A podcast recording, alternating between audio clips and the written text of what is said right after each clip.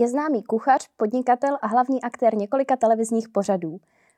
Kuchařské zkušenosti sbíral i za oceánem a jako přísného šéfa ho zná celá Česká republika. Pozvání do rozhovoru přijal Zdeněk Polreich. Moc vás tady vítám. Dobrý den. Co jste měl dneska během dne k jídlu? Já jsem snídal svůj oblíbený kozí jogurt. A to je jako můj rituál, to je nevím, pět dní v týdnu a vlastně co pak? Teď jsem, teď jsem byl navštívit jednu z našich restaurací, tak personál měl k obědu francouzský brambory, tak jsem měl francouzský brambory. Vy se v posledních týdnech věnujete především natáčení vašeho nového pořadu. O co půjde? Jde o soubor restaurací.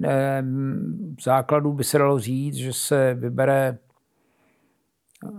nelhal šest dvojic, víc, osm dvojic restaurací, který, který mají podobné zaměření, podobný koncept, například česká, italská, azijská, americká a tak dále.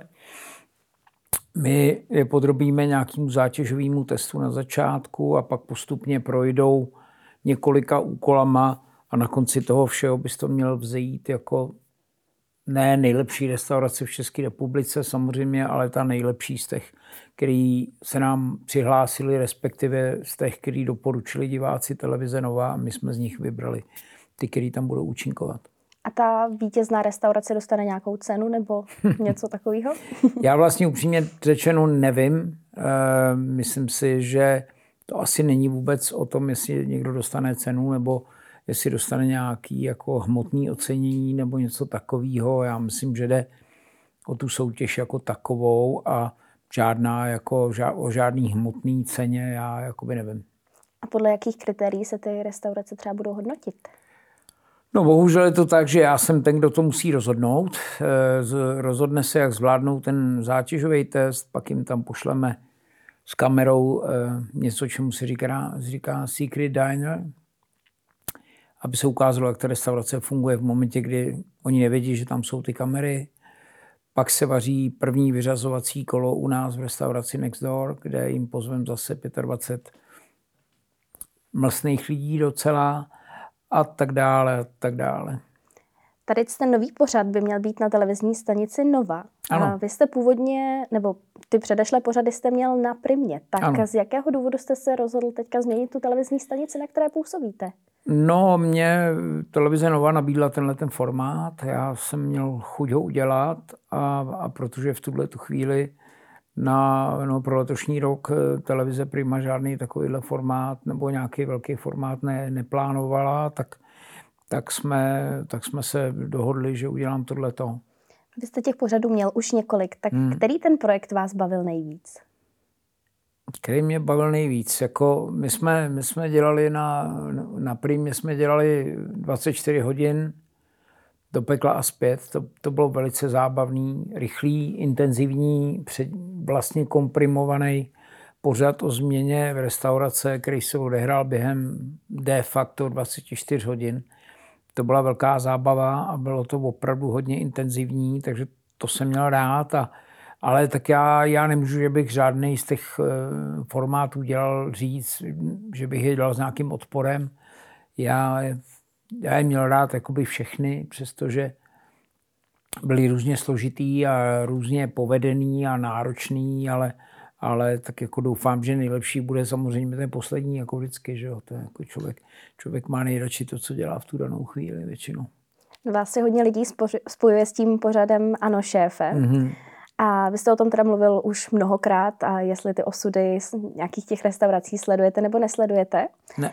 Ale bylo tam v tom pořadu i několik takových eh, legendárních momentů, které mm. myslím, že si lidi rádi připomínají. Příkladem může být třeba ten eh, chlapec, co strčil nějaký řetízek do jiného hrníčku, nebo ještě ten malý kluk, co si tam přišel no, hrát s kamením. No. Tak třeba tyhle ty dva konkrétní případy, jak na to vzpomínáte? Víte co, to jsou věci, které se odehrajou v, tom, v ten moment. Vůbec neplánujete, stane se to prostě shodou okolností a a to je prostě jedna z charakteristik toho, že, že prostě točíte reality show, která má prostě dost velký, dost velký množství věcí, které neovlivníte a nemůžete naplánovat. Takže tohle byla náhoda. Prostě já to neumím jinak říct a, a, a zaplať pámu za to, že jo, protože samozřejmě vždycky, když se tam objeví takovýhle exoti, tak to zábava. No a právě třeba ten kluk, co uh, dal ten řetízek do jiného hrníčku, tak uh, on pokud správně tuším, studoval kuchařinu, tak setkal jste se s ním třeba někdy ještě ne, potom? Ne, chrám pámbu, ne, vůbec.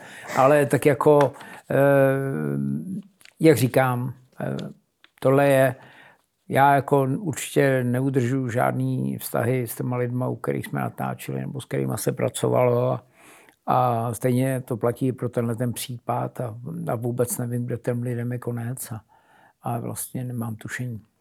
Já tady pro vás mám teďka takovou uh, krátkou anketu. Mm-hmm. Uh, je to taková jako rychlá smrt, že rychlá první Bych odpověď. nedopad vás... jako ve škole někde. No, ne, ne, ne. Uh, no. Je to spíš uh, jako takový zábavnější formát. Okay. Buď třeba ano nebo ne, nebo že si vyberete jednu z odpovědí. Jo. Tak uh, dal byste si ve stánku radši smažák z levného ajdamu nebo langoše z polotovaru? Já bych No kdyby na mě někdo mířil pistolí, tak, tak asi já nevím vlastně. Tak to bych, to bych se snažil před tou pistolí někomu týct. No. Já jako stánkový věci tohohle toho kalibru se snažím si do svého těla teda jako nedávat. No. Mm-hmm. Je větším gastronomickým prohřeškem nabízet v restauraci bramborovou kaši z pytlíku a, a nebo naservírovat ke guláši zeleninovou oblohu? Dobrá otázka, tak já myslím, že ta bramborová kaše z pytlíku jako je neodpustitelná. Kdyby k vám domů přišel na večeři Gordon Ramsay a vy jste si musel vybrat, jestli byste mu uvařil kuřecí plátek z broskví anebo katův šlech, co byste mu udělal? Asi bych mu dal kaťák. A z jakého důvodu? No, protože to kuře to by nezvlád. a měl byste v Imperiálu radi, raději menu, které by bylo napsané celé fontem Comic Sans, a nebo by bylo plné zdrobnělin, jako je třeba salátek, polívčička nebo kuřátko? Asi bych si, asi ten, asi ten fond by možná byl stravitelnější než ty zdrobnělinky. Mm-hmm. Patří do bramborového salátu uzenina? No, jak já tam dávám šunku. No. Mm-hmm. Nejhorší jídlo, co jste kdy jedl? To nevím. To se nedá říct. A naopak nejlepší jídlo, které jste kdy jedl? Nejlepší obecně, obecně bych to asi spíš mohl říct, jako to napasovat na nějaký restaurace, u kterých nějaký šéf kuchařů, u kterých jsem asi jedl, tak eh, skutečně, skutečně jako asi nejzábavnější, nebo asi možná i nejlepší jídlo jsem jít v restauraci, která už neexistuje. Bohužel je to restaurace, která se jmenovala Tickets, byla v Barceloně a patří asi nejlepšímu kuchaři současnosti, který se jmenuje Alberta Adria. A co to bylo za jídlo, jestli se vzpomenete? On je to takový jakoby tapas bar, ale na strašně vysoký úrovni a, a Albert Adria je bratr slavného Ferána Adri, který asi je známý jako někdo, kdo představil světu něco, čemu se říkalo molekulární gastronomie nebo kuchyně. A bylo to obrovská zábava, bylo to neskutečně jako vtipný, zábavný a musím říct, že, že mi strašně líto, že ta restaurace už neexistuje. Mm-hmm. Co nejčastější chyba servisu, se kterou se během návštěv restaurací setkáváte? Často se stává, že, že já si myslím, že, že jde o naší tak, tak trošku národní vlastnost, že my jako těm lidem neumíme posloužit, že hromada těch lidí to, že jako, že jako sloužej, že dělají v těch službách, tak, tak bere tak jakoby trošku, trošku zbytečně odtažitě a, a, a neumějí prostě ty lidi opravdu obsloužit jako vřele a tak, jak by to mělo být. Mhm. A kde je váš kuchařský vzor? Taky asi Joël Robuchon, francouzský kuchař, který zemřel před pár lety, asi byl, byl ten nejlepší z nejlepších. Na tom se asi shodne jako většina gastronomického světa. Mm-hmm. No vás veřejnost zná především jako toho kuchaře. Mm-hmm. Vaříte ještě někdy ve svých restauracích? No, my máme, já bych neřekl, že vaříme, nebo že vařím, my máme takovou rutinu, že vždycky, když děláme jako nový menu, tak, nebo měníme něco na tom stávajícím, tak, tak si uděláme nějaký takový jako taste panel, kde, kde, si tej, kde se týdla jako uvařej, udělají. A, a to je ten okamžik, kdy já do toho nějakým způsobem vstupuju a koriguju ty věci tak aby to jako vlastně chutnalo mě a měl jsem ten pocit, že by to mělo chutnat i těm zákazníkům. A jak často měníte ty meníčka? My to děláme tak třikrát za rok. Vždycky změníme takových 35%, protože ty restaurace už přece jenom mají všechny nějakou historii a už jsou tady nějaký pátek a, a, a to menu, abych tak řekl, je celkem usazený a jsou tam věci, bez kterých, bez kterých to prostě nemůže být. Mm-hmm. Jo, který víme, že jsou prostě notoricky známý, notoricky oblíbený, jsou to ty takzvaný signature dishes, který, který v té který prostě v té restauraci ty lidi očekávají, že tam budou za všech okolností. Takže ten prostor pro tu změnu je, řeknu, 35 až 30 víc toho nebude. Uh-huh. A jak často vaříte třeba doma? Já vařím doma jako vlastně, pokud se vaří u nás doma, tak vařím já. Uh-huh. Vařím pro rodinu, vařím pro psy a tak dále. Vaříte pro psy? Já vařím pro psy. to jim připravujete nějaký speciální? Já mám takový jako moje psí risotto. Já Aha. mám dva psy a já tam vždycky koupím nějaký maso, eh, skrájím do toho nějakou zeleninu, zasypu to rejží, protože oni samotný to maso blbě snášejí, takže se to musí udělat z rejží a udělám to na den, na dva, na tři. Oni to, oni to snědí a pak jsou zase chvíli na těch granulích do té doby, než je zase nějaký maso jako zralý k tomu, abych z něj uvařil pro zvířata. No, tak to mají, to mají dobrý vaši psy teda, že jim takhle vaříte. Zatím si nestěžuju. a cítíte se momentálně více jako kuchař nebo jako podnikatel?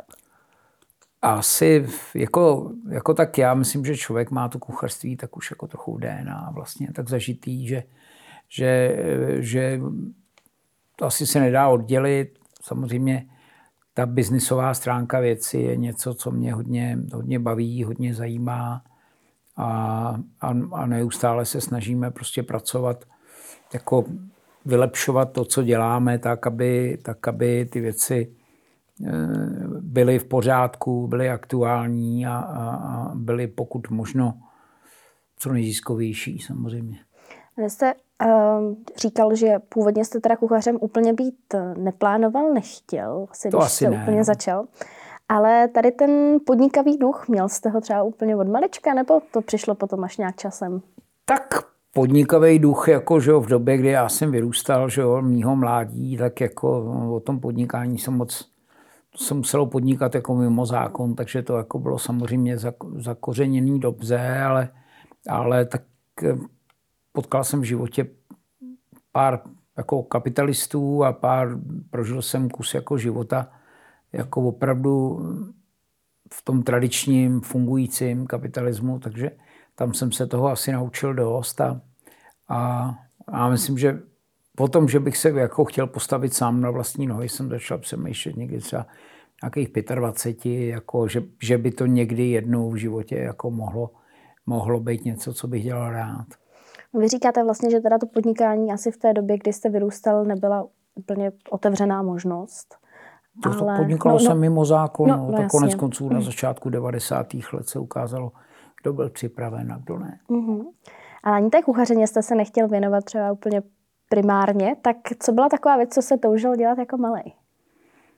Já jsem chtěl být muzikant. Jako, jo? Já jsem jako v nějakých 16, 17 jsem, jsem jako chtěl být jako samozřejmě rockstar, jako takovýho, takovýho jako kalibru nějakýho, ale tak jako ne úplně bych řekl, že jsem proto měl ty správné vlohy a ten správný talent, takže to skončilo u takových jednoduchých pokusů, který jsme s kamarádama jsme si hráli na kapelu nějaký dva roky, tři a, a pak jsme jako pochopili všichni, že nebo já jsem pochopil, že to není nic pro mě.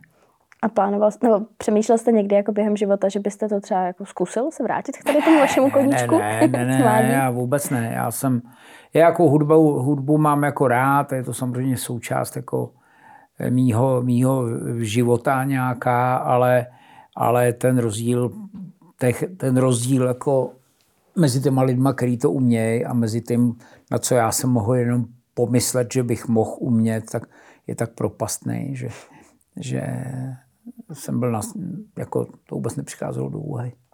No vy často říkáte, že třeba dnešní mladé generaci občas chybí taková nějaká chuť pracovat. Tak vnímáte to třeba u svých zaměstnanců, že dnešní třeba mladí lidé jsou, nevím, jestli říct línější, to asi úplně no to, ne. to by, myslím, že jste řekla ještě moc hezky, jako, ale tak jako samozřejmě my starí, jako máme, každá stará generace si o tým mladý myslí něco. Eh, řekl bych, že na tom většinou něco je.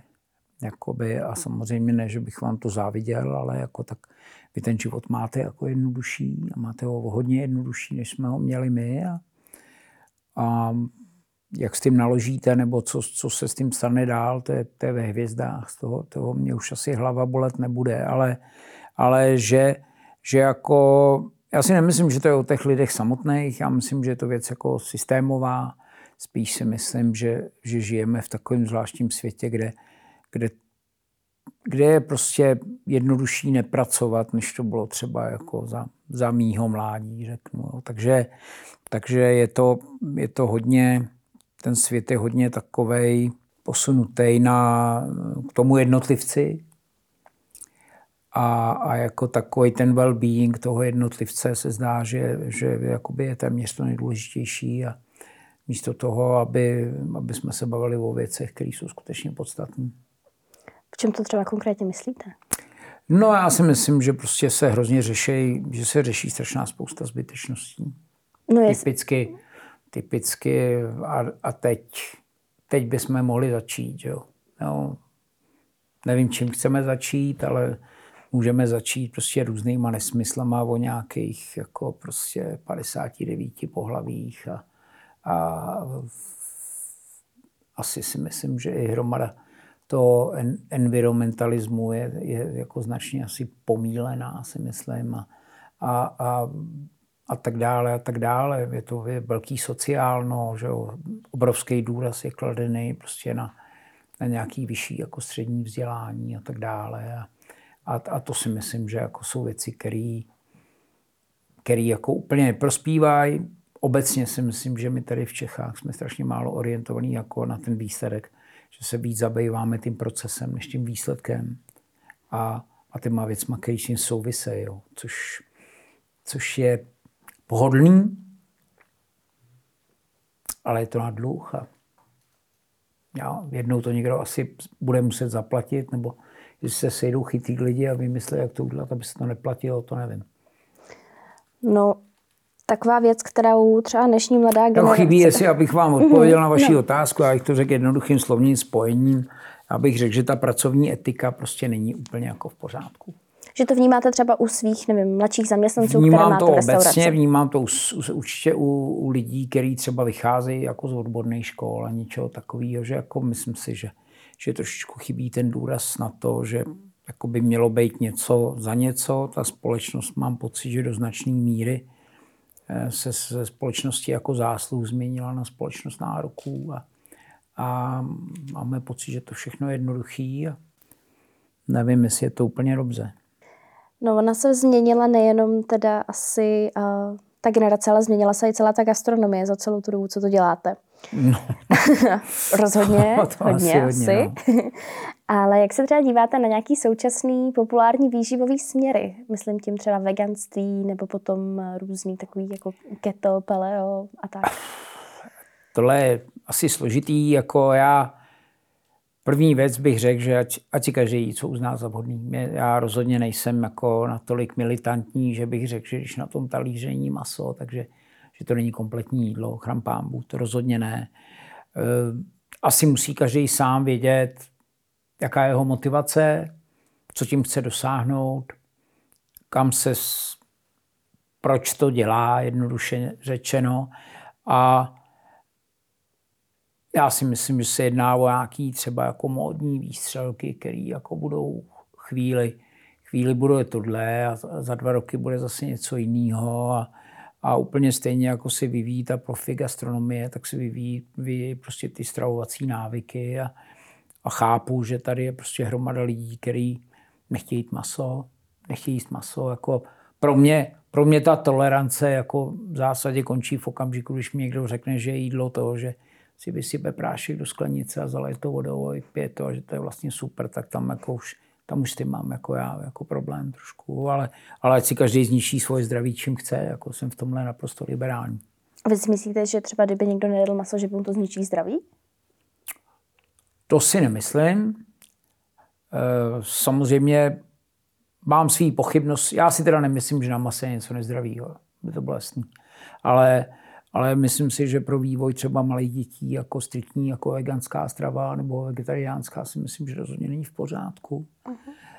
A říkám, každý musí vědět sám, jak se cítí a, a, a co mu to dává nebo nedává. To, to, já, nechci, to já jako nechci soudit. Eh, já mám dny, kdy nejím maso, dokonce jsme letos vydali kuchařku, která celá je bez masa a chápu to tak, že tato skupina lidí, který nechtějí jíst maso, může být relativně jako velká, zajímavá a vůbec nic proti tomu nemám. Jako já, nejs, já říkám, já jsem poslední kus hovězího jsem jet, já nevím, před třema měsíci, jako, ne, jako prostě shodou okolností. Ale ale tak jako já, já vlastně nemám rád, když se na to jídlo kouká ve stylu jako Sparta nebo Slávě a tohle je dobře a tohle je blbě. Já myslím, že základem všeho je vždycky, aby v tom byla nějaká rovnováha. Jenom jsem se chtěla zeptat, jestli myslíte třeba na uh, lidi, co jsou třeba vegetariáni nebo vegani při, nevím, sestavování těch meníček. Vždycky tam, tam něco je, něco? vždycky tam něco je. My, se, my jako si to uvědomujeme, jako ten vývoj, určitě jo, vždycky tři, čtyři věci tam máme. A protože nejsme vysloveně jako zaměřením ani veganská Jasně. nebo ani vegetariánská restaurace, tak chápeme to, že ne každý úplně chce na tom talíři mít maso a pokud vaříme bez masy pokrm, tak ho vaříme, vaříme s úplně stejným nasazením mm. a se stejnou pozorností, jako bychom dělali kus prostě čehokoliv jiného. Mm-hmm. No na tak scéna taky ale dávno už nejsou jenom kuchaři. Ale připojili se do toho třeba i lidi z internetu. Jsou to food blogeři nebo různí, nebo nevím, různé profily, které třeba hodnotí restaurace, hmm. hodnotí hmm. jídlo. A spousta těchto lidí vydává stejně třeba jako vy kuchařky. Tak jak se koukáte vlastně na tyhle ty lidi, které, kteří do té gastroscény vstoupili z internetového prostředí? Tak jako je jim to přáno, já samozřejmě vůbec, vůbec jako nic proti tomu nemám, pokud si ty věci někdo koupí, jako rozhodne zákazník, co je dobrý, co není. Že jo? Mm. Prostě, a jsou lidi, kteří jsou gastronomii nedotčený a vydávají úspěšné jako knížky a prodávají to ve, ve velkých jako nákladech. A, a chápu, jako vnímám tu společenskou změnu, že, tam, že jsou tam takový typ food blogerky, food blogeři, lidi, kteří prostě nějakým způsobem do toho gastrosvěta vstoupili a, a nabízejí tam nějaký svůj produkt, tak, tak říkám, to já, proti tomu já nemám ani to nejmenší. Jako pokud se zákazník rozhodne, že si to chce koupit, uh-huh. tak jako tím je to posvěcený. Uh-huh. A co potom ještě různé kuchařské soutěže? Těch tady máme třeba taky každoročně několik. Tak máme. Myslím, že byly... Přijďte Masterchef? Byl třeba Masterchef a pak Dobrý. byly ty pečící ještě. Jo, vlastně peče no. celá země, máte pravdu. Uh, já, já si myslím, že Masterchef je prostě dobrý formát. Uh-huh. Je to globálně úspěšná věc. Dělají to chytrý lidi, je to, je to dobře natočený, je to dobře nakástovaný, funguje to peče celá země, na mě trošku moc jako česká televize, na mojí chuť jo, v tom stylu, že je to takový až moc takový jako roz, rozplizlé, friendly, takový a, a takový jako u, u, ušišlaný chvílema, ale znova, každá je to úplně stejný jako s těma knížkama, když si, pokud si ta věc najde svého diváka, já jsem pochopil, že Peče celá země bylo velice úspěšná věc, že jo tak eh, stejně tak jako Masterchef, tak eh, proč by nakonec ne? Jo, já myslím, že je to úplně v pořádku. Já osobně jsem rád za každý, za každý, za každý gastronomický téma, který se v těch médiích objeví, protože si myslím, že to té gastronomii hrozně prospívá a obecně to eh, postupně mění pohled lidí na to, jak to jídlo v tom životě je nebo není důležitý a, a zlepšuje to ten přehled těch lidí o těch, o, o těch věcech, které můžou ochutnat a, a můžou vyzkoušet a můžou se na to dívat, takže já gastroshow jako mám rád jako všechny. A třeba kdyby, nevím, někdo, kdo třeba vyhrál Masterchefa, mm-hmm. se vám ozval, chtěl bych u vás pracovat, vzal byste někoho takového na základě vlastně toho, co jste viděl v televizi? Mně je úplně jedno, jestli vyhrál Masterchef nebo Tour de France. Mě to mhm. fuk. Mm-hmm. Mě pro mě je důležitý, aby ten člověk si uvědomil, že musí jako respektovat naše pravidla a že bude dělat tak, jak my potřebujeme. A pak, ať si vyhraje, co chce, může vyhrát, co já vím, může vyhrát Zlatýho Slavíka, to je nám fuk. Já si myslím, že vítězství Masterchefovi jakoby No může to asi otevírat nějaké dveře do té Docela určitě, no. docela určitě. Myslím si, že mediálně spíš to funguje, než by to fungovalo úplně jako do mm-hmm. profesionální gastronomie, protože samozřejmě toho, toho masterchefa dělají jako hobby kuchaři, kteří, kteří jako v té profesionální gastronomii, kde je to ještě o malinko jiná disciplína, tak e, nemají samozřejmě nic jistého. Že? To, je, to je jasný, vyhrát jednu věc. A, ale tak jako jak říkám, klidně, jestli, mm-hmm. mají, jestli mají chuť být u nás. Já, u nás vždycky rozhoduje to, jak ty lidi mají chuť pracovat a, a jak jsou schopní odvést ten výkon, který od nich očekáváme a požadujeme, takže může přijít dokoliv. No. Mě právě zajímalo, jestli by to fungovalo třeba i opačně, že vy byste takhle někoho viděl v Masterchefovi, fakt by se vám líbil a oslovil byste ho s nabídkou, aby k vám šel pracovat. To asi, to nevím. To, já, já myslím, že tam je nějaký jako rozdíl mezi tím, mezi tím televizním vařením a tím, a tím reálným gastrobiznisem a, do, a dost velký. My jsme, já jsem třeba oslovil Veroniku Beskyďárovou, že, která vyhrála minulýho Masterchefa. Udělali jsme spolu pár akcí, vydali mm. jsme jí kuchařku. Spíš si myslím, že je to o tom, že já mám důvěru v její jako mediální jako nějaký schopnosti nebo potenciál, než bych jako chtěl jí postavit do, kuch, do kuchyně a že by, že by tam prostě si odstála těch 12-14 hodin. A třeba pro vás byl by taky nějaký takovýhle cíl vybudovat nějakou jako větší rozsáhlou skupinu, která bude fungovat pod jednou značkou? Protože máte teda tři restaurace, máme tři, no. rozjíždíte no. ještě tu cukrárnu. Teďka máme produkci, ano, teďka máme značku Imperial Dolce, kde, kde budeme dělat teda jako cukrářskou výrobu a, a jako kdyby se nám povedlo udělat jako pěkný nějaký franchise, bylo by to dobrý, ale, ale na něčem se pracuje, ale nejsem si úplně jistý tím, že, že bych v tuhle chvíli mohl ještě říct, co to bude, kde to bude, jak to bude. Je to ve fázi nějakého zrodu a, a já si myslím, že je to vlastně jedno, co to je. Jo. Já si myslím, že pokud je to dobrý a ty lidi si to chtějí koupit, tak jako na tom vlastně asi nezáleží úplně. No. No pro některé lidi může být uh, jakási značka nebo záruka kvality třeba Michelinská hvězda. A což si myslím, že asi může být i pro sen spousta kuchařů, šéf kuchařů, to nebo být tak je, ano. zařazení v nějakém tom průvodci.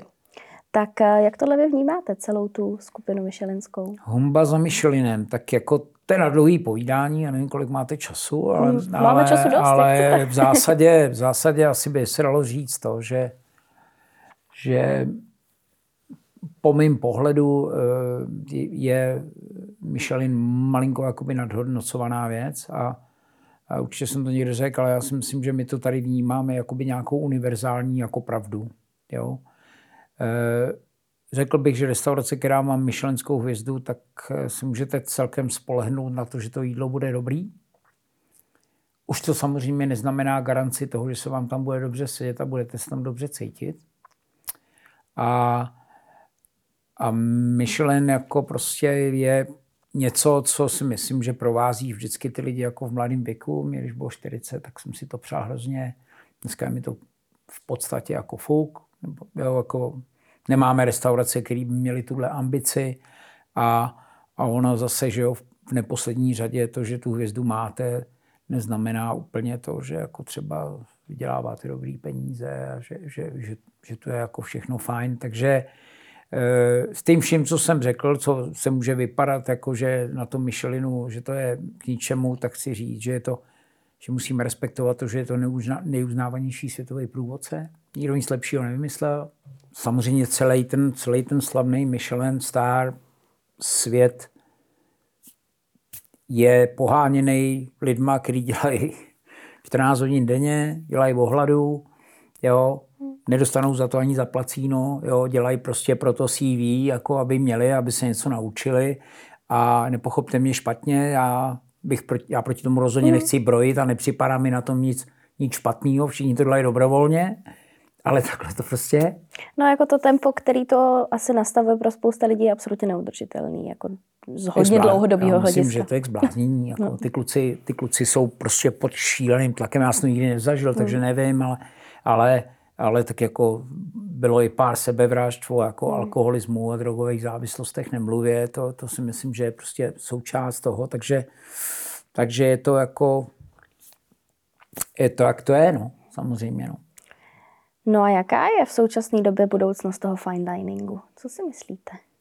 No to je výborná otázka, já nevím. Jako, mm-hmm. Já si myslím, že se ukázalo, že, že, že to jídlo už je tak strašně složitý. Technicky. A vizuálně mm. udělat. Jako, protože všudy přítomný Instagram samozřejmě znamená to, že, že ta vizuální stránka věci je prostě strašně důležitá. Mm. Že Prostě v každé restauraci dneska si lidi fotí jídlo. Že jo? Má to za následek několik věcí. Jo? že jako prostě v té vteřině, kdy to vycvaknete, tak to vidí jako prostě stovky, potažmo tisíce dalších lidí. Dokonce Michel Gerard, což je slavný francouzský šéf kuchař, který mu dneska bude 90 a, a jeden z průkopníků toho, čemu se říká Vávalo Nouvelle Cuisine, tak říká, tak za chvíli prostě ty restaurace budou zaměstnávat jednoho food stylistu, který to bude dělat jenom kvůli tomu, aby to na tom Instači prostě vypadalo dobře. Druhá věc je ta, že se to jídlo posunulo svojí složitostí té prezentace do, do úrovně, že jíst něco doopravdy teplýho na talíři je jako složitá věc. Takže to, sestrkat to tam prostě nahromaduje, je zvláštní a já prostě já si myslím, že pomalu, ale jistě to prostě míří do slepé uličky, kde, kde jsou určitě na světě lidi, kteří už na konci té slepé uličky byli akorát ten ostatním neřekli, že je slepá, nebo ty ostatní si prostě, to je lidská přirozenost, že jo, každý si myslí, že on bude ten, kdo to zvládne nejlíp, hmm. ale, ale protože žijeme ve světě, kde, kde ten neustálý tlak na to, aby to bylo nový a jiný, je prostě nekonečný, hmm. obrovský, tak jako ty lidi prostě s tímto tempo nemůžou nikdy v životě jako udržet. Jo. Je těch lidí, kteří se na to vyka, vykašlali a pověsili zástěrou na hřebík, eh, kvůli tomu, že se snažili být chytřejší než ta příroda, bych tak řekl. Hmm. A vymýšleli věci, které prostě byly zvláštní hodně. Tak, eh, tak eh, těch je spousty a, a já nejsem zákazník, který má chuť platit hodně peněz za to, že na tom někdo hodně pracoval. Já potřebuji, aby mi to chutnalo a, a když budu platit už tu vysokou částku v té restauraci, tak, tak chci, aby tam byly tradiční jako delikatesy, které budou delikatesy navždy a, a je to naprosto nesporný a, a jíst místo toho jako prostě nakládaný listí tamhle z něčeho prostě není, není můj, jako, mě to jako ne, nezajímá. Jednou za rok do takového podniku klidně rád půjdu a, a je to show a je to jako když jdete do divadla, ale, ale jako ani myšelinské restaurace neurčují to, co jí jako široká veřejnost. Tak to si myslím, že takhle není. Tak vlastně vy jste zmínil ty sociální sítě, tam asi se zvyšuje s tím i touha nějak eh, hodně šokovat nebo a zaměřit se víc na ten jako vizuál, tím, že ty lidi si to třeba fotí, natáčí, že jsem viděla třeba videa, že se v nějaké myšelenské restauraci prezentují jídla, že třeba k vám přiletí, jako na obláčku nebo takhle. Tak, it, no. jako, tak jako, že jo, já, já říkám znova, je, asi je to na každém. Já mám tradiční jako syndrom starého kuchaře a to znamená to, že já jim jídla, které jsou čím dál tím jednodušší a, mm. a mě důvěrně známý a, a já k tomu tyhle ty věci jako nepotřebuju, ale znova, asi bych se jenom opakoval, kdybych řekl, že pokud, za, pokud to někomu za ty prachy stojí, tak jako s Pánem Bohem. My jsme se tady bavili o tom, že... Uh, Tím nechci říct, že bych to uměl stejně jako oni. Jo. No, jo prostě neumím, neumím udělat jako bublinu cukrovou, kterou mi takhle přistrčí někdo pusat, já ji musím sníst. No, tam pámbu, jako vůbec, jo, ne, ne, že já bych byl tak dobrý, jako jsou ty lidi, kteří dělají tyhle věci, jo, to rozhodně ne. Tak to je asi úplně zase jiná disciplína, že to se asi nedá říct, kdo je lepší nebo horší. Prostě je to úplně nejlepší restaurace na světě neexistuje a, a, a, a, jak říkal samozřejmě neboštík Brothers, tak nejlepší je taky ráje plná. Prostě. No a my jsme se tady bavili o tom, že uh, na spousta lidí třeba tady ten uh, tlak na to být co nejlepší v té vysoké gastronomii uh, dává takové tempo, které je až neudržitelné. Ale ta udržitelnost je obecně obrovské téma současné gastronomie. Tak jak si myslíte, že jí to pozměňuje? Protože je tady udržitelnost, teda ta psychická, potom ta ekologická, i když to jste vlastně říkal, že uh, třeba někdy máte pocit, že se to řeší až moc, ale i třeba ekonomická. Tak jak vnímáte, že se to celý pozměňuje? Tak já bych, já si vždycky myslím, že každý, každý jako soudný hospodský je, ať už vědomě nebo nevědomě, propagátor něčeho, čemu se říká zero waste. Mm-hmm. Protože samozřejmě to jsou naše peníze a když za ty věci už utratíme, tak chceme ty věci jako vytěžit jako do maxima. Určitě mi, určitě mi je sympatický, když třeba ty restaurace mají tu možnost nějakým ekologickým způsobem zlikvidovat svůj odpad. Hmm. Jo, typicky, já nevím, zrovna v té Skandinávii, o který byla řeč, tak nějaký kompostovací zařízení je nedílnou součástí jako třeba toho podniku, což si myslím já, že je skvělý. Že? Jako, a určitě um, ale, ale jako nedá se na tom stavět. Jo? Dneska prostě existuje pár restaurací, který jsem zaznamenal, který z tohohle jako dělají téma, že jako bubnujou jako na tu ekologickou, na tu ekologickou jako notu v tom smyslu, že jsou lidi, kteří nechtějí, aby to jídlo prostě cestovalo víc než 100 kilometrů a, a tak. A jako já nevím, jo, e, za mě restaurační biznis je o dvou věcech. Musí to být dobrý a musí, musí vám tam být dobře. Jo. To znamená, že se o vás někdo stará. Logicky nikdo, kdo má všech pět pohromadě, tak prostě nebude se chovat nějak idiotsky v tom smyslu, že bude vyhazovat ty věci, ale, ale když si můžu já vybrat a myslete si o mně, že jsem prostě e, dinosaurus, tak když já si můžu vybrat, jestli budu jíst jako sumce z jeho český rybníka, anebo, nebo prostě čerstvou dorádu ze středozemního moře, tak já si prostě vždycky vyberu tu druhou možnost, protože mi to prostě líp chutná. Mm-hmm. Tak to je, myslím, asi o Já jsem na tu záchranu prefer... planety mám malý pán, jsem zjistil. No ale třeba v tom gastrobiznese do budoucna může být taková věc, že s tou postupující klimatickou změnou některé suroviny, které momentálně jsou absolutně běžnou součástí, třeba budou méně dostupné. Tak myslíte si, že tohle je nějaká to hrozba, nebo ne?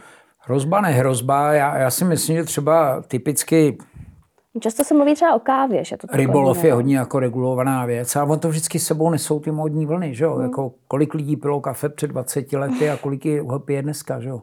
Kolik lidí jedlo avokádo, kvůli kterým se tamhle kácejí lesy, že jo, já nevím, v Brazílii ve velkém, aby se tam prostě odevřely nové plantáže a mohli jsme jíst takzvanou super potravinu. Jo. Prostě taková věc jako oběd zdarma prostě neexistuje. Všechno má nějaký svůj náklad a, a bude to tak, že tyhle věci budou prostě obtížnějíc asi dostupný a až ten, až ten stav nastane, jestli nastane, tak tak se to asi ukáže. Já si myslím, že třeba rybolov je velmi dobře regulovaný eh, v celé Evropě. Myslím si, že i v Americe. O Číně se nemá cenu bavit, ale, ale jako já jako si myslím, že já vlastně nevím, jaký je skutečný stav. Že? Asi to neví nikdo, a, ale je to tak, že prostě ty lidi mají nebo ty lidi, kteří tvrdí, že je to špatný, tak mají daleko větší možnosti o tom přesvědčit ten zbytek těch ostatních, nebo se pokusit je přesvědčit. Jestli to tak skutečně je, to já na to jako já neumím odpovědět a, a já prostě žiju ve světě, že si říkám, tak dobře, tak jsou tady, jsou tady nějaké autority, které mají eh, pravomoc o těchto věcech rozhodovat, tak eh, já, my, oni o tom rozhodnou, co, co se stane a co se nestane. A každý ten svět vidí jinak. Jsou lidi, kterým je proti srsti to, že ta jejich věc pluje na lodi z Jižní Ameriky, někomu je to jedno. Tohle těžko, někdo roz, tohle těžko jako někdo asi rozlouskne, no, jen tak jako v dohledné době. Ještě můžeme zůstat trošku v nějakém přemítání o gastronomii v budoucnosti. Jo, jistě. Mě by zajímalo, jestli si myslíte, že to fungování restaurací do budoucna může změnit i třeba nějaký technologický postup. Mluví se o tom, že třeba servis by mohl být jako automatizovanější, nebo i nějaký práce v kuchyni. Myslíte si, že ten lidský faktor se tam z té gastronomie do budoucna třeba může trošku vytratit? Je mi to jedno, jo. Objevily se tady jako nějaký automatický šíšníci, jako robotický jestli to někoho baví. Já zrovna se mezi ty lidi nepočítám. Eh, pochopitelně technologicky, víte, ona, ta gastronomie je prostě takový jako tradiční řemeslo, a který se za, za, za tu řadu let moc nezměnilo. Jo pořád je to tak, že my prostě nakupujeme živý suroviny nějakým, nějaký formě, ať už rostlinného nebo živočišního původu, nějakým způsobem je zpracováváme a zpracováváme je na technicky více nebo méně dokonalých zařízeních, ale, ale jako hmm, digitalizace náš biznis moc nezasahuje a, a z home office to taky zatím dělat nejde, tak jakoby je to hodně, hodně těch aspektů tam zůstává stejných a, a je to prostě biznis lidma pro lidi a, a jak říkám, no, jako určitě se přemýšlí o tom, že v těch nejspodnějších patrech gastronomických, že v různých fast foodových řetězcích se prostě pracuje na robotickém řešení jako výroby těch věcí, což pro mě jako děsivá představa, ale ale tak jestli to tak musí být, tak to tak bude a, ale naštěstí ten, ta možnost toho výběru je tak obrovská, že vždycky budete moct prostě přijít někam, kde se o vás někdo postará a, a budete z toho mít příjemný zážitek. Tak třeba v rámci asi toho servisu myslím, že se možná malinko už to posouvá. Třeba co jsem si všimla tady mezi spousta restaurace má v Praze, že kolikrát vlastně nepotřebuje člověk číšníka, aby se ho přišel zeptat, co si dá, že si může načíst třeba jasný, ten kód, no. že jo, a hmm, pak jasný. se přesto i jako zaplatí. Takže asi jsem to myslela víc v rámci třeba toho servisu. Takhle, no. no.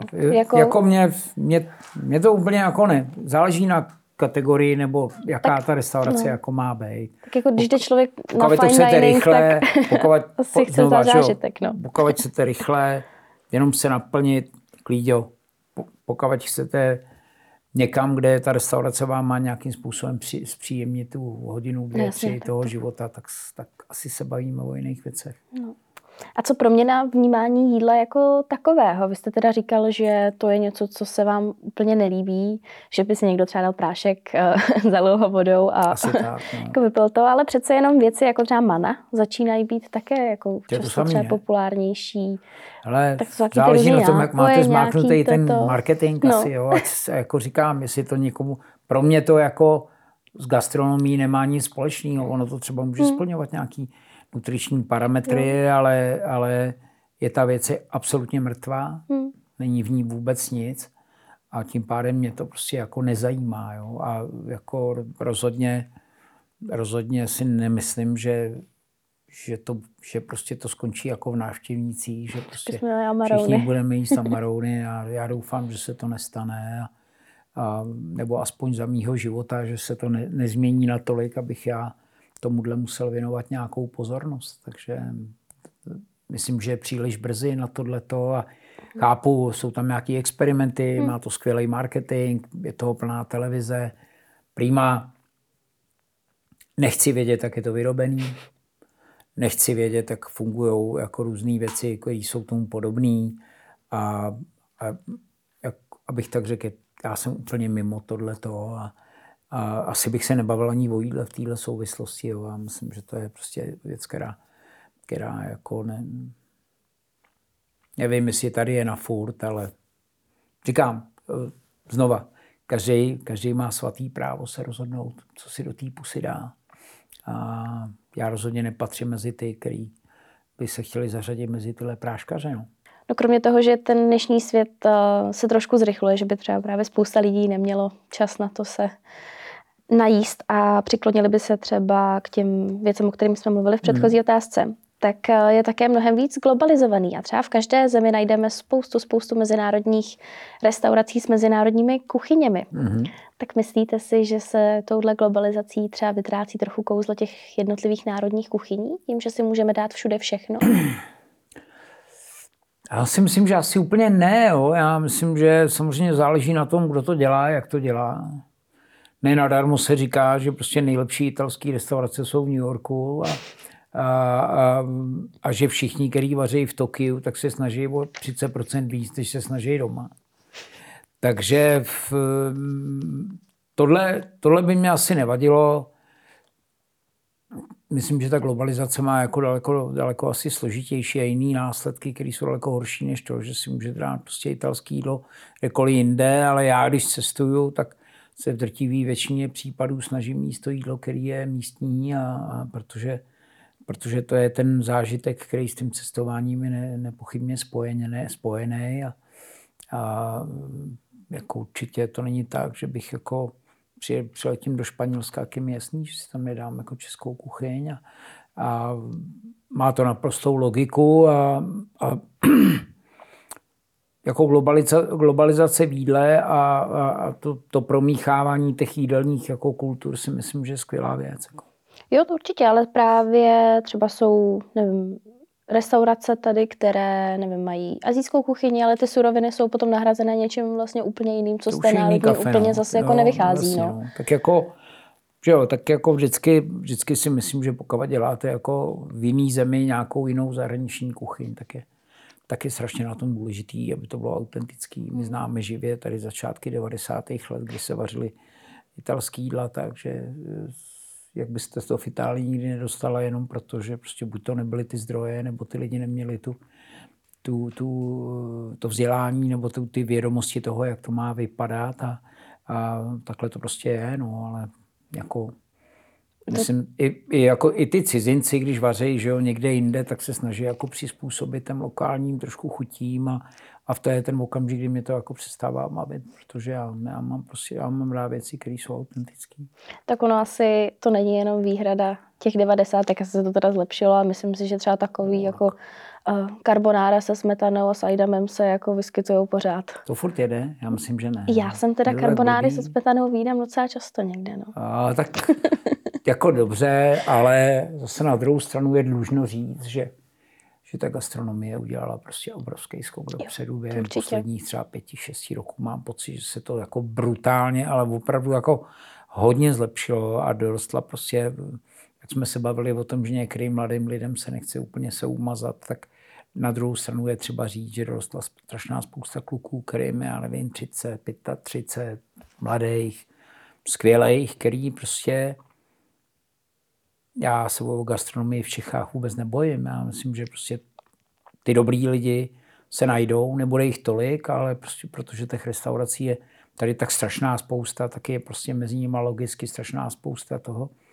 který servírují nějaký takový rabiš, o kterým mluvíte, ale, ale na druhou stranu mám pocit, že, že to zlepšení musí vidět i slepé a strašně se změnilo i těch zákaznické chování, jako už se bavíte s lidmi, který se s váma baví o tom jídle úplně kvalifikovaně a, a, a půjdou tam a není jim líto těch peněz a je jim úplně jedno, jestli to je takováhle hromada, nebo jestli toho je prostě přiměřená dávka a tak dále a tak dále. Takže eh, myslím, že to jde ruku v ruce. Myslím, že to jde ruku v ruce v tom, že, že samozřejmě stoupá eh, ta ekonomika té země, ty lidi už si jako už mají trošku ty priority malinko usazený, už taky něco viděli, už vědí, co chtějí a vědí, co nechtějí. Ty kuchaři taky viděli kousek světa, že jo?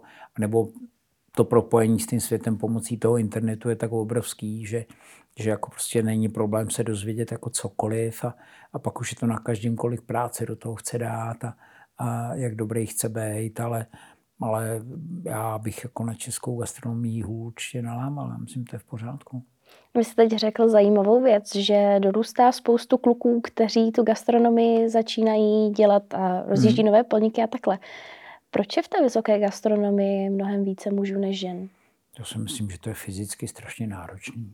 Jako já prostě já nejsem žádný jako mačista nebo šovinista, jako pokud ty holky chtějí obstát, prýma, ale, ale prostě je to, je to tak, že většinou v gastronomii ty, ty ženský dělají takové ty práce, které jsou víc blíž tomu ženskému naturelu, kde je zapotřebí taková ta pečlivost a takový systém vyhrát. A, takže cukrařina, studené věci, to, to dělají holky jako často, ale tak samozřejmě ženská gastronomická kariéra většinou končí v okamžiku, kdy, kdy mají nějaké děti, že jo, nebo něco takového. To už jako, takže když je někdo, když někdo v té gastronomii 30 let, tak je to, tak je to už jen velice asi výjimečná věc. Zatímco chlapů, který to dělají prostě celý život, je spousty.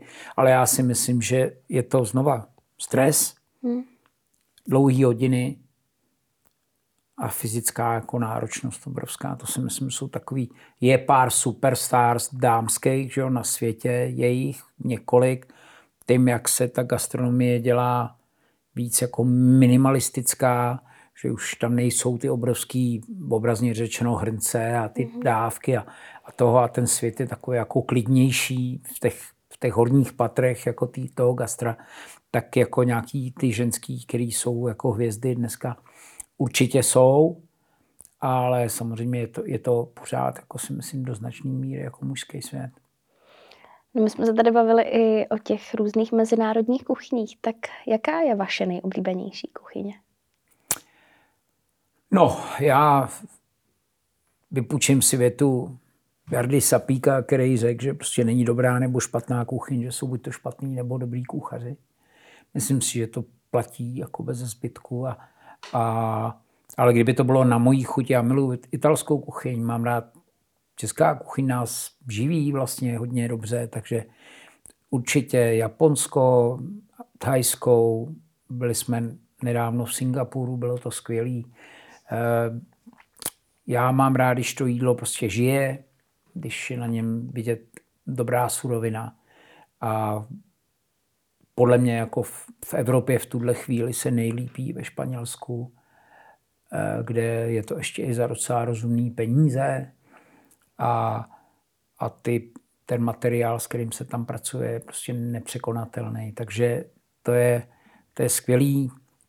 V Singapuru jsme byli v jednohvězdičkové japonské restauraci, kde už je to na takový úrovni, že opravdu je to takový už jako zenový a už, už, už se to jí rukou a, a už tam jako jeden ten sushi master je na, nevím, na čtyři lidi, že jo, a už to, už to fakt bylo jako, jako hodně, hodně pěkný.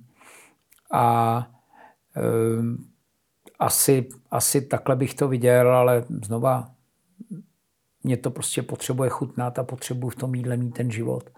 A už je mi trochu víc jedno, jestli je to přinesený zprava, zleva, z prostředka, nandaný 50 pohybama místo třech, to, to, už, to už prostě asi není úplně jako to, co já bych jsem asi v tomhle dost konzervativní. Stačí. Vím, co, mám pocit, že jsem poznal, co je dobrýho, takže celkem jsem na, v tomhle ohledu jednoduchý na uspokojení. A cestujete často za jídlem? Nebo jako... Tak jako za jídlem, za jídlem to, jak se tam jí, je pro nás jeden z rozhodujících faktorů. Jako.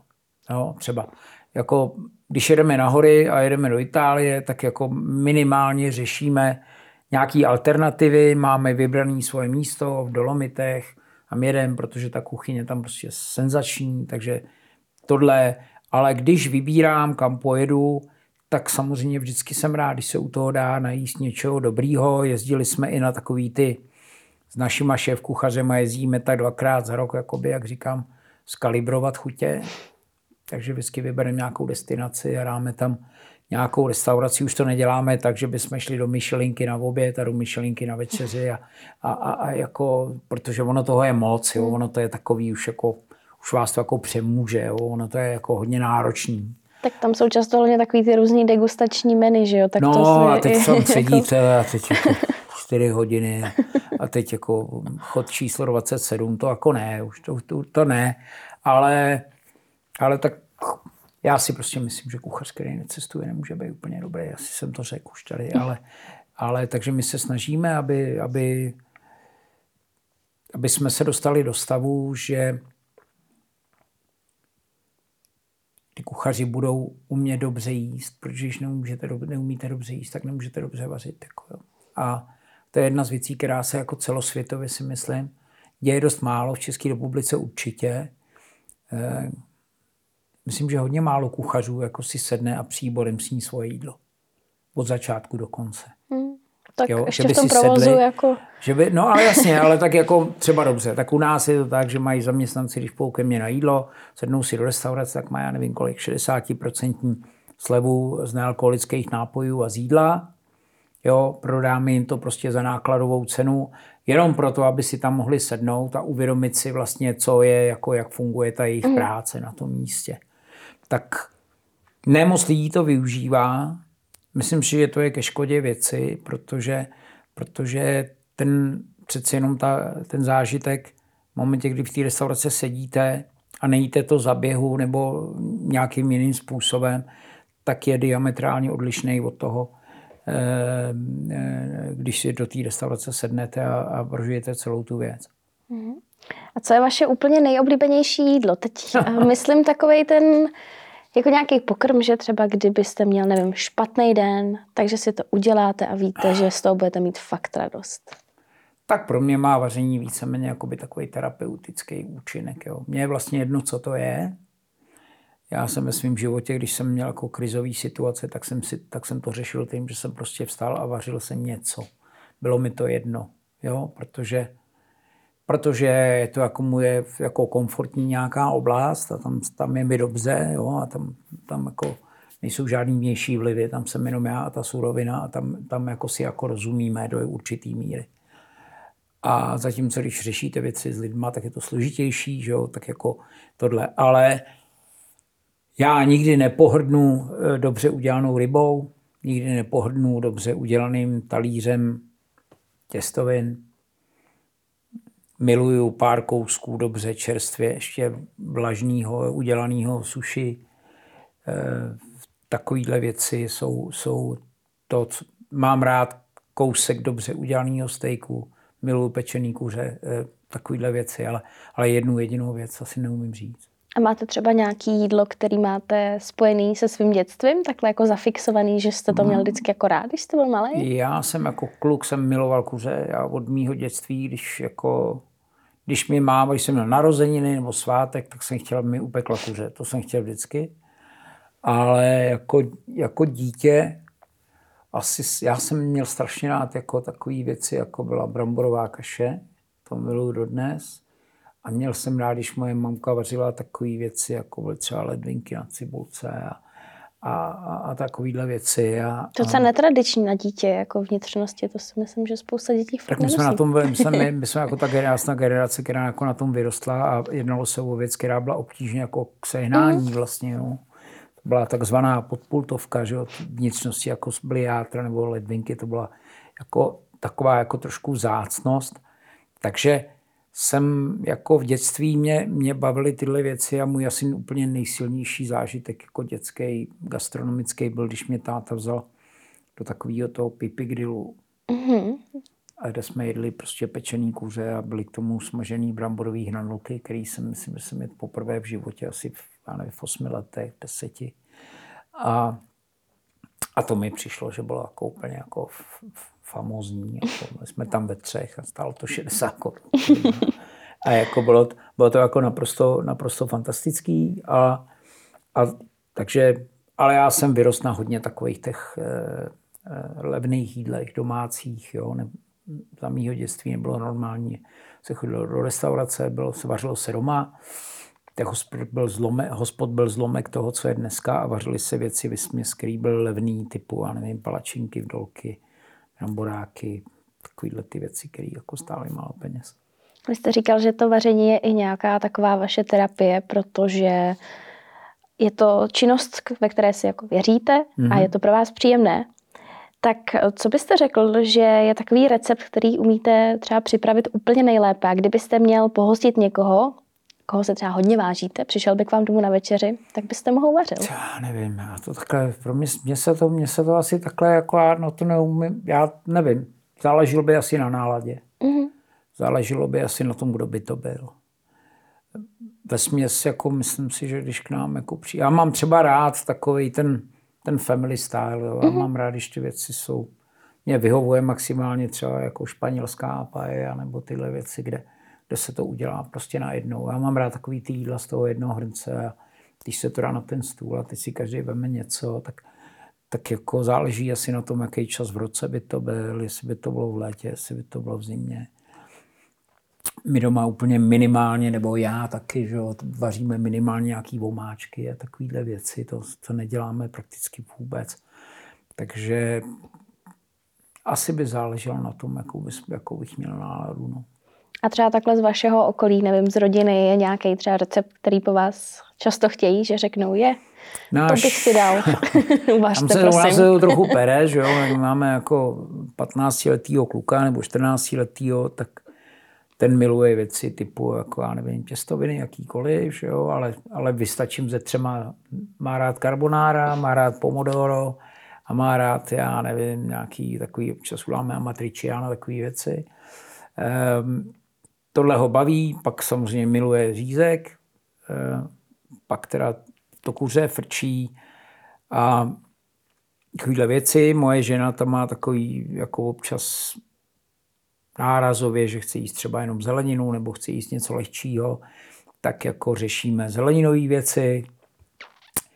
A a obecně u nás jako je strašně populární jako rejže. Jsem tam udělám třeba thajský kary, udělám si svoji vlastní kary pastu.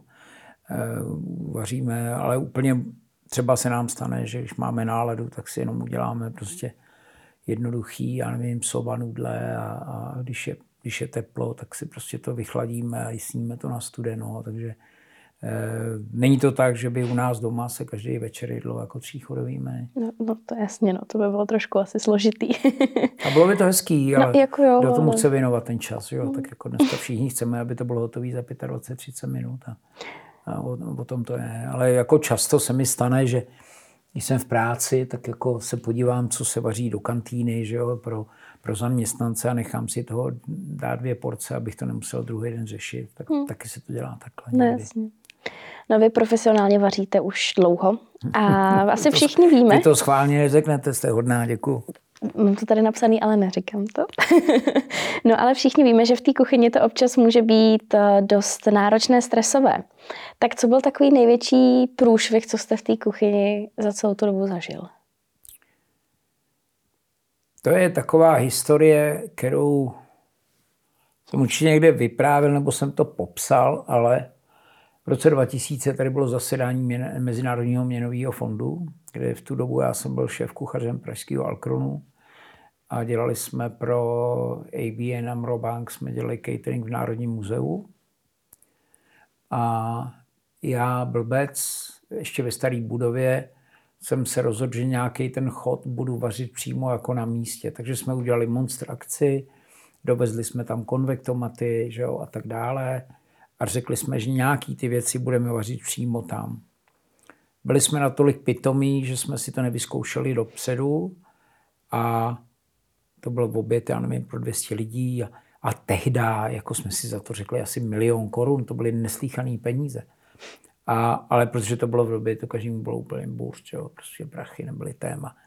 Tak jako dobrý, tak Zkrátím to, měli jsme tam takový jídlo, že oni chtěli sladkovodní rybu, tak my jsme udělali takový jako věc, že jsme dali z jedné strany sandáta, mezi to jsme dali jako takovou pěnu, já nevím, z čeho to bylo, už si nespomenu, a navrh byl, byl jeden filet sandáta, druhý filet ze pstruha a takhle se to jenom mělo jako upéct.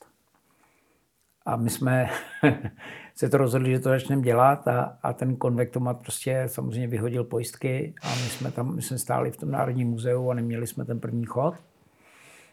Mm-hmm.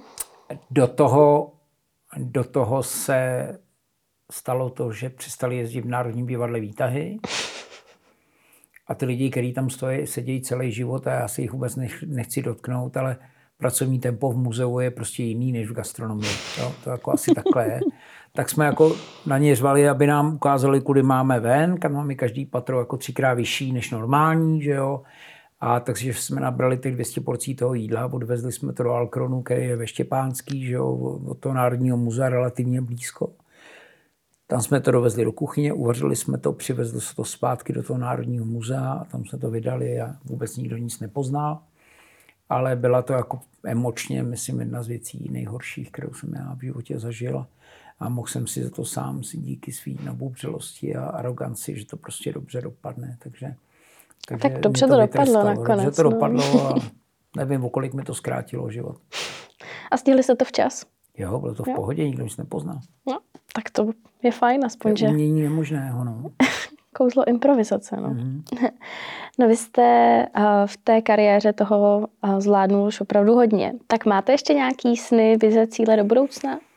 My, se, my chceme, aby, jak jsem říkal tady na začátku, aby Imperial Dolce jsme prostě nastartovali tu produkci, aby to fungovalo opravdu hladce a aby, se, aby ten projekt prostě dobře, dobře fungoval a, a my pracujeme jako vlastně můj, naše veškerá, veškerá činnost směřuje k tomu, aby ten produkt byl, když ne lepší, tak aspoň stejně dobrý.